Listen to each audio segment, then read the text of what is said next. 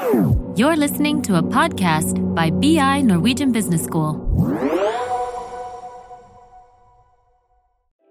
Ja, og ofte så sitter jo man egentlig på veldig mye mer man kan bruke enn man kanskje tenker. Kanskje man tenker at ja, men jeg har jo ingen spennende CV i det hele tatt. Mest sannsynligvis har du mye du kan dra fram.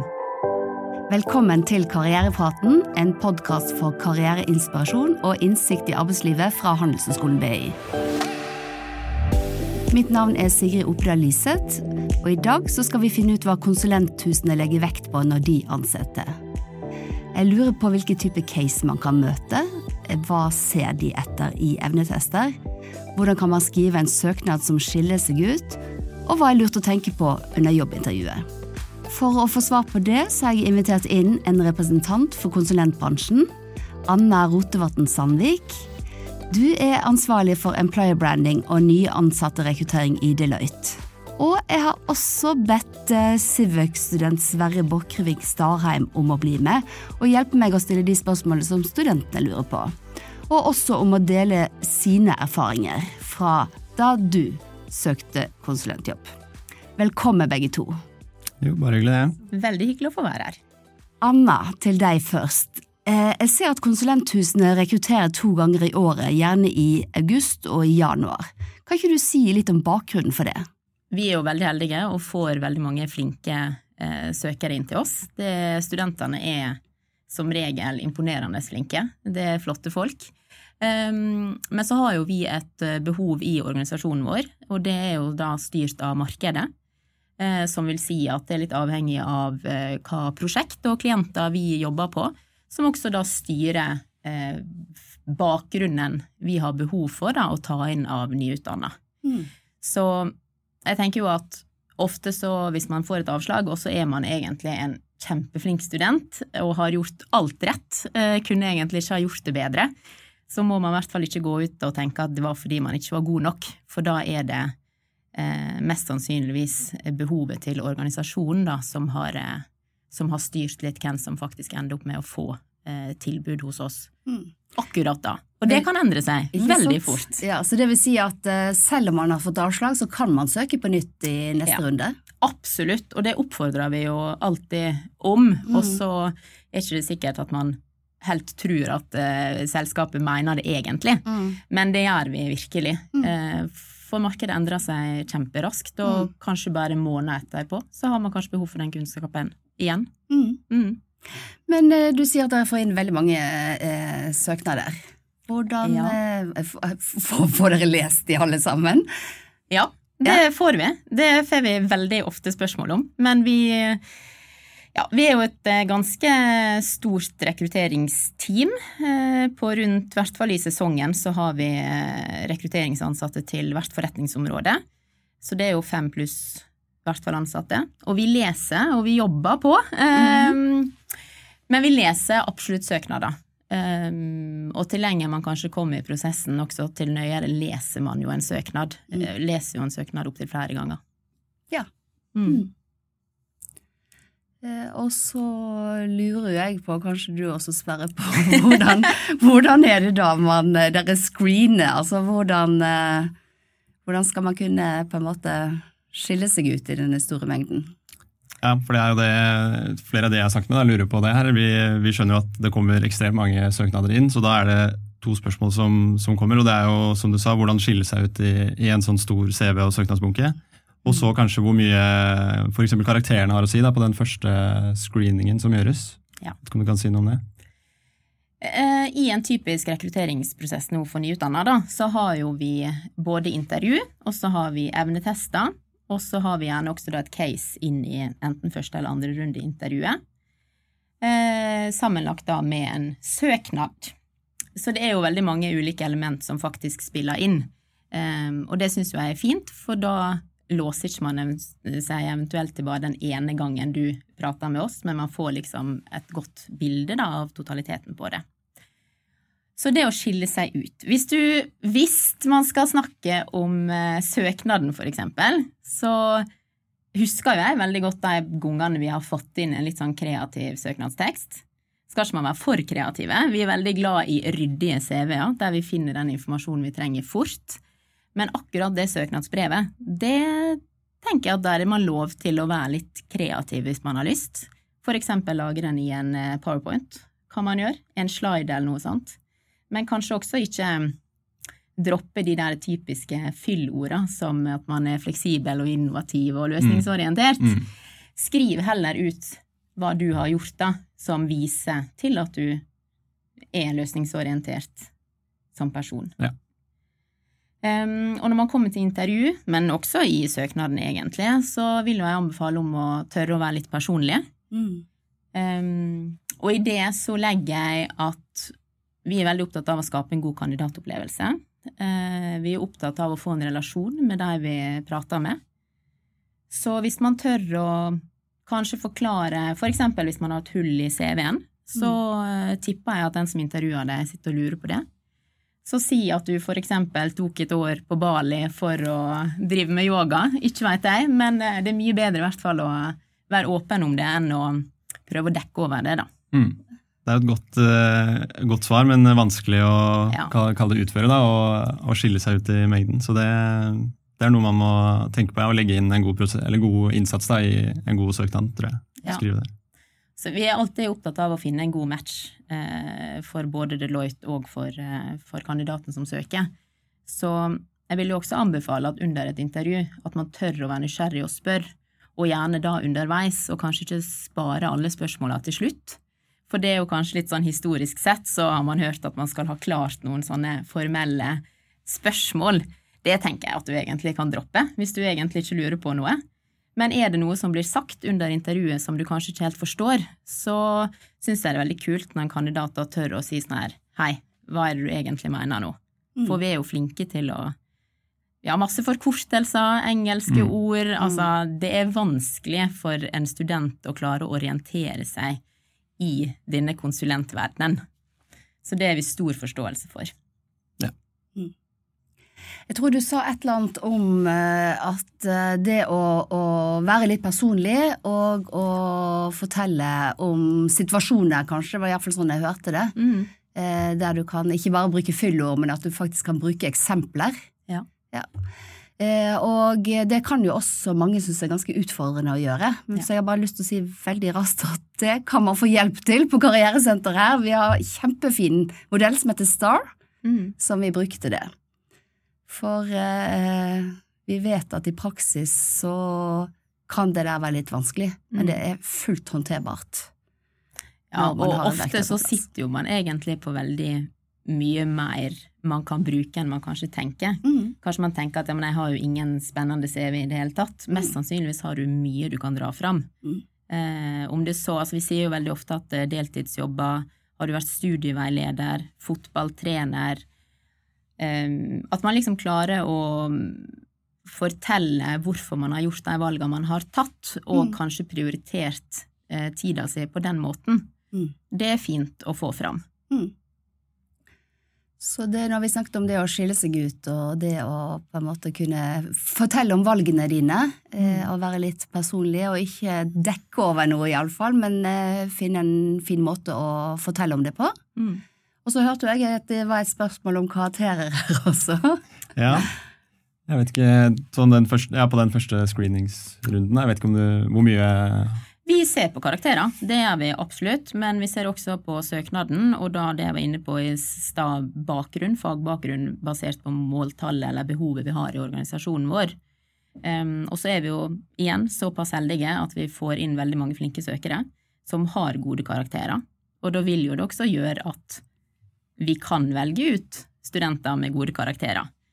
Men det er jeg veldig stolt over å faktisk eh, kunne si og mene fra Deloitte, i hvert fall, at vi er opptatt av totalpakka.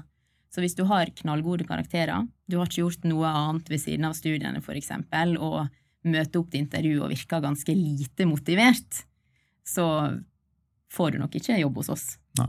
Du snakket om, om evnetester og case. Hvor i prosessen er det man møter det, og kan du si litt om, om hva det er for noe?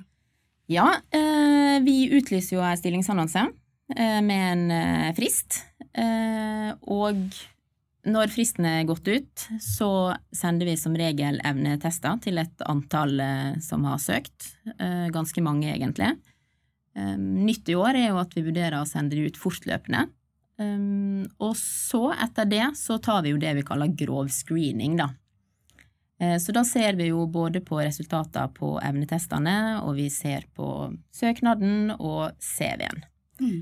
Og så har jeg lyst til å si at uh, når vi ser på resultatene fra en evnetest, så er vi absolutt ikke opptatt av å uh, bare plukke pl ta med videre de som har gjort det best, men vi er opptatt av å identifisere om noen kandidater potensielt har falt utenfor normalen, da. Så um, ja. Og etter uh, vi har da tatt denne grovscreeninga, så blir man da invitert inn på et intervju. Mm. Eh, så dere bruker evnetester i, i grovskriningen. Eh, hva er målet med å bruke de testene? Målet med å bruke evnetester det er å identifisere om noen av kandidatene faller utenfor det vi kaller normalen, da. Så vi har ikke noe mål i seg sjøl om å bare ta med videre de som scorer best, men eventuelt identifisere om det er noen som har falt langt utenfor. Mm. Eh, og så kan jeg si at målet med evnetester, det er jo at vi ønsker å få frem noe om kandidaten sitt potensial til å lære, og Mm. også utvikle seg. Mm. Ehm, på ett område.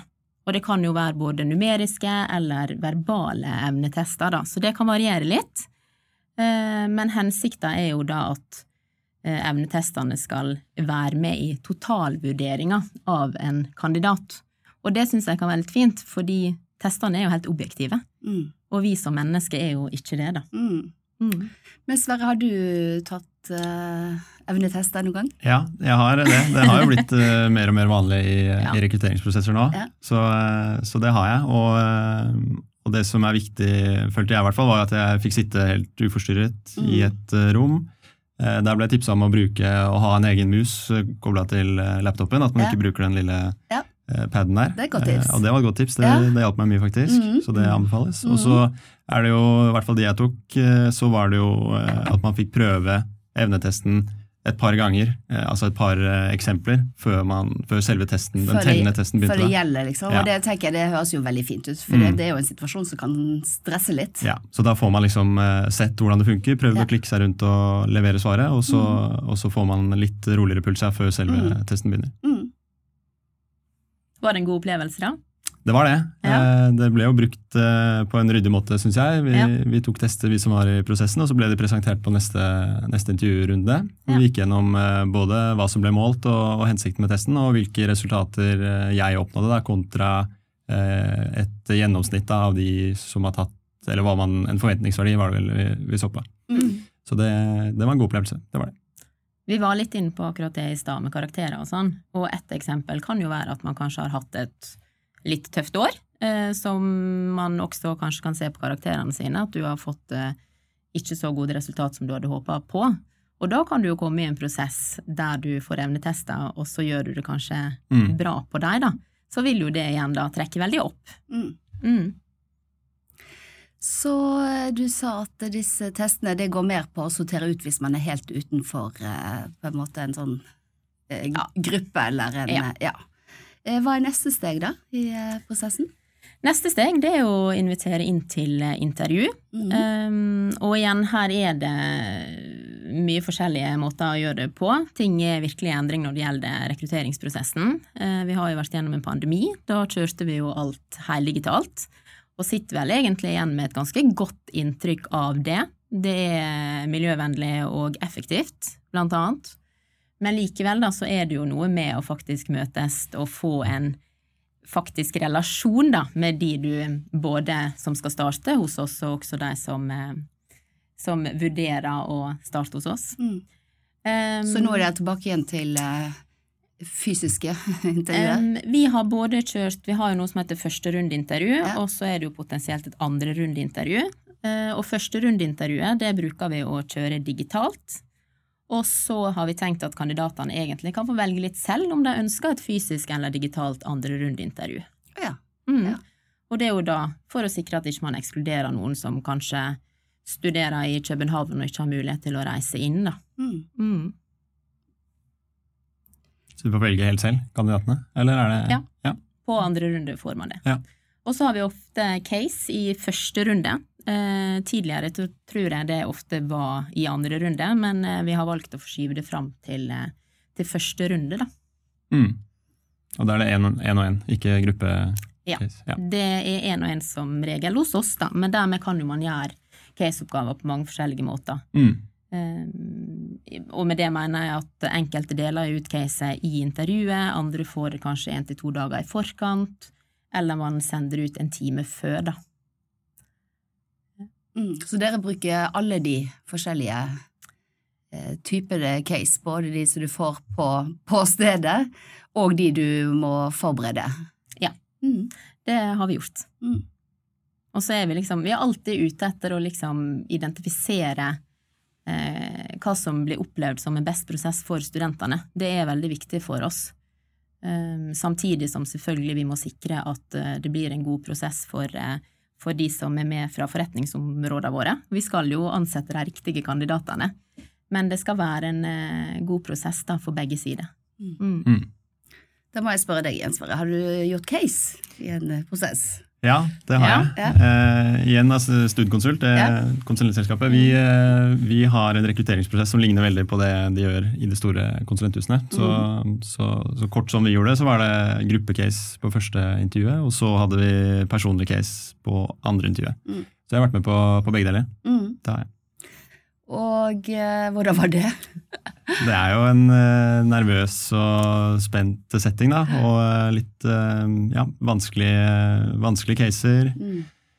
Så det er jo mye Man kan jo gå i mange, mange fallgruver, og særlig på, på gruppecaser er det jo fort gjort å enten bli eh, han eller hun som sitter i, i hjørnet og ikke sier så mye, eller han eller hun som sier kanskje litt for mye og, og tar litt for mye plass. da. Ja, så det ene er ikke bedre enn det andre der, tenker jeg. Nei, det er jo litt eh, ja, forskjellige personlighetstyper der da, Ja. som, som kommer inn. Men, eh, men det er jo også noe studentene lurer på, er jo hva er de fallgruvene man kan gå i da, på både intervju og på case. Hvordan, eh, og hvordan kan man unngå det, kanskje det viktigste spørsmålet.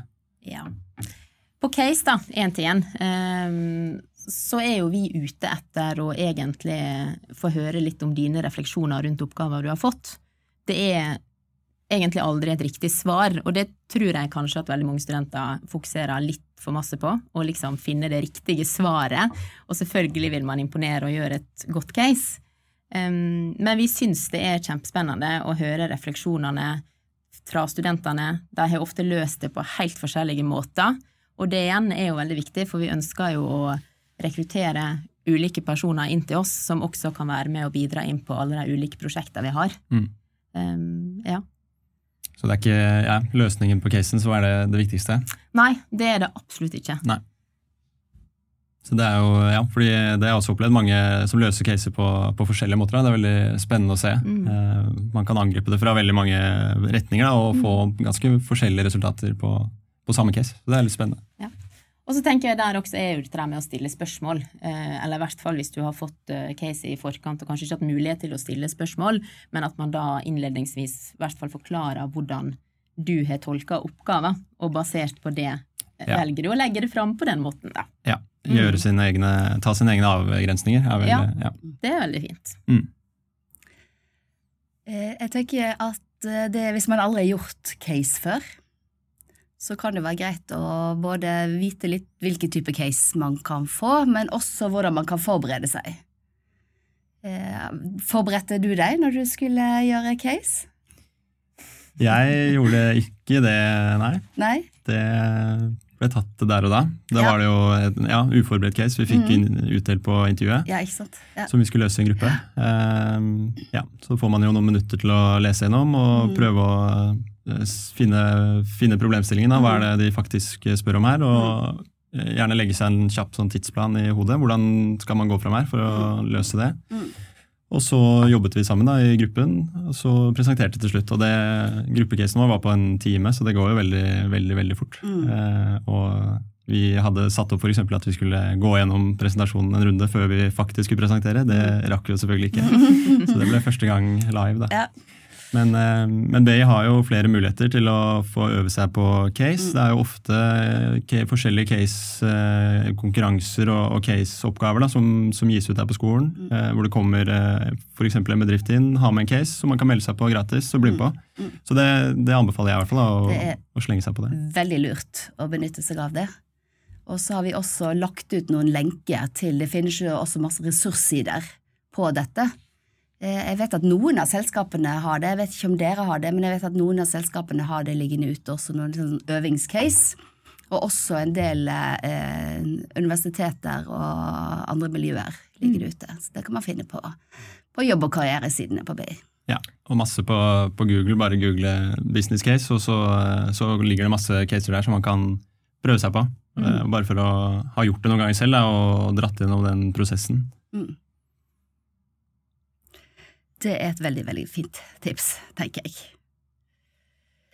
Eh, noe annet du lurer på i forbindelse med case-intervju? Eh, ja, vi eh, har eh, det vi har lurt på hvordan skal intervjueren huske deg etter eh, intervjuet er ferdig, da, når du går derfra? Hvordan skal du ha gjort et godt nok inntrykk til å bli husket? da? Er det noen tips man kan få der? Nei, men vi husker jo alle kandidatene vi intervjua. Ja. Det, det er ikke et problem, rett og slett. Ehm, men eh, det var et veldig dårlig svar, egentlig, syns jeg. Men igjen, det handler jo litt om, vi var inne på det, vær personlig, vær engasjert, still spørsmål, Mm. vis at du er interessert i å jobbe hos oss.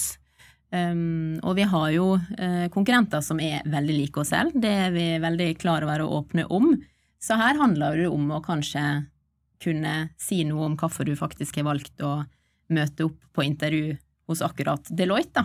Det Ja. er vi jo veldig interessert i å høre om. Mm. Mm.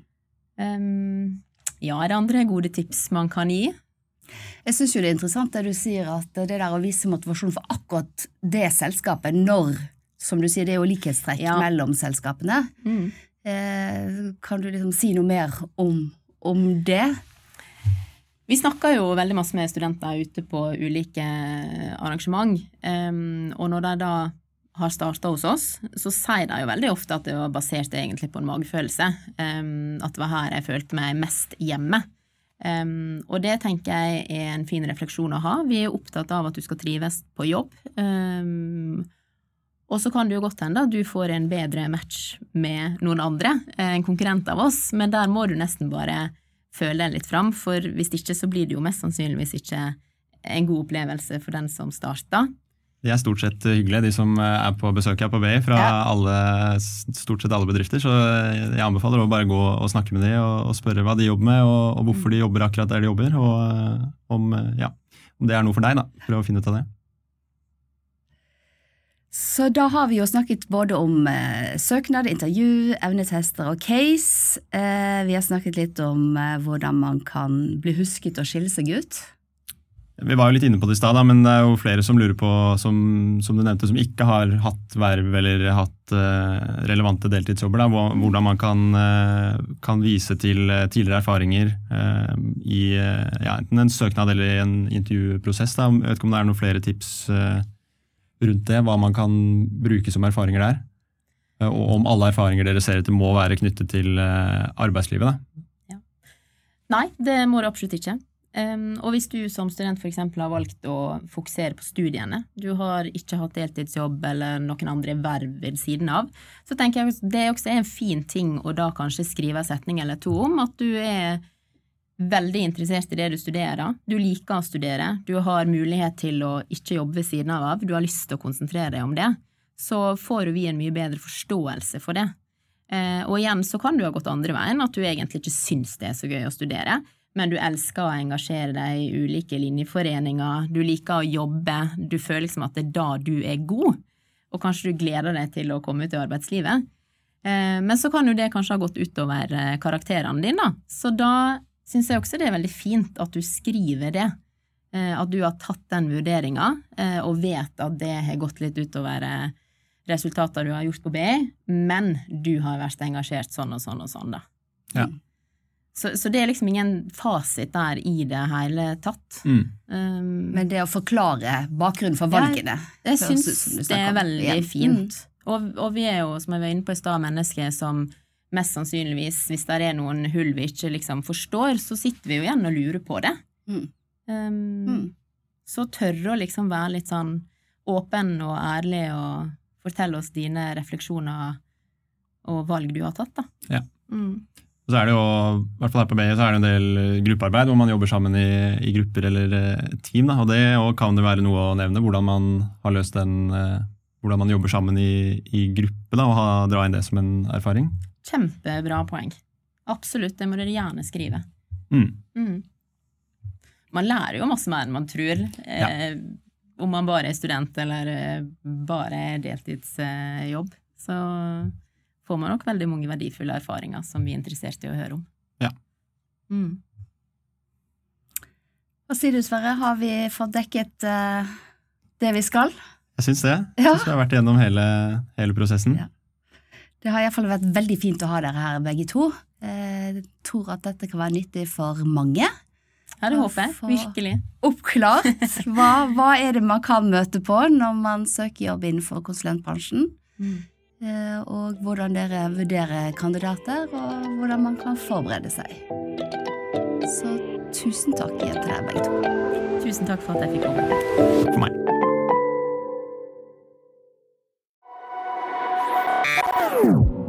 This is a BI production. Listen to more podcasts.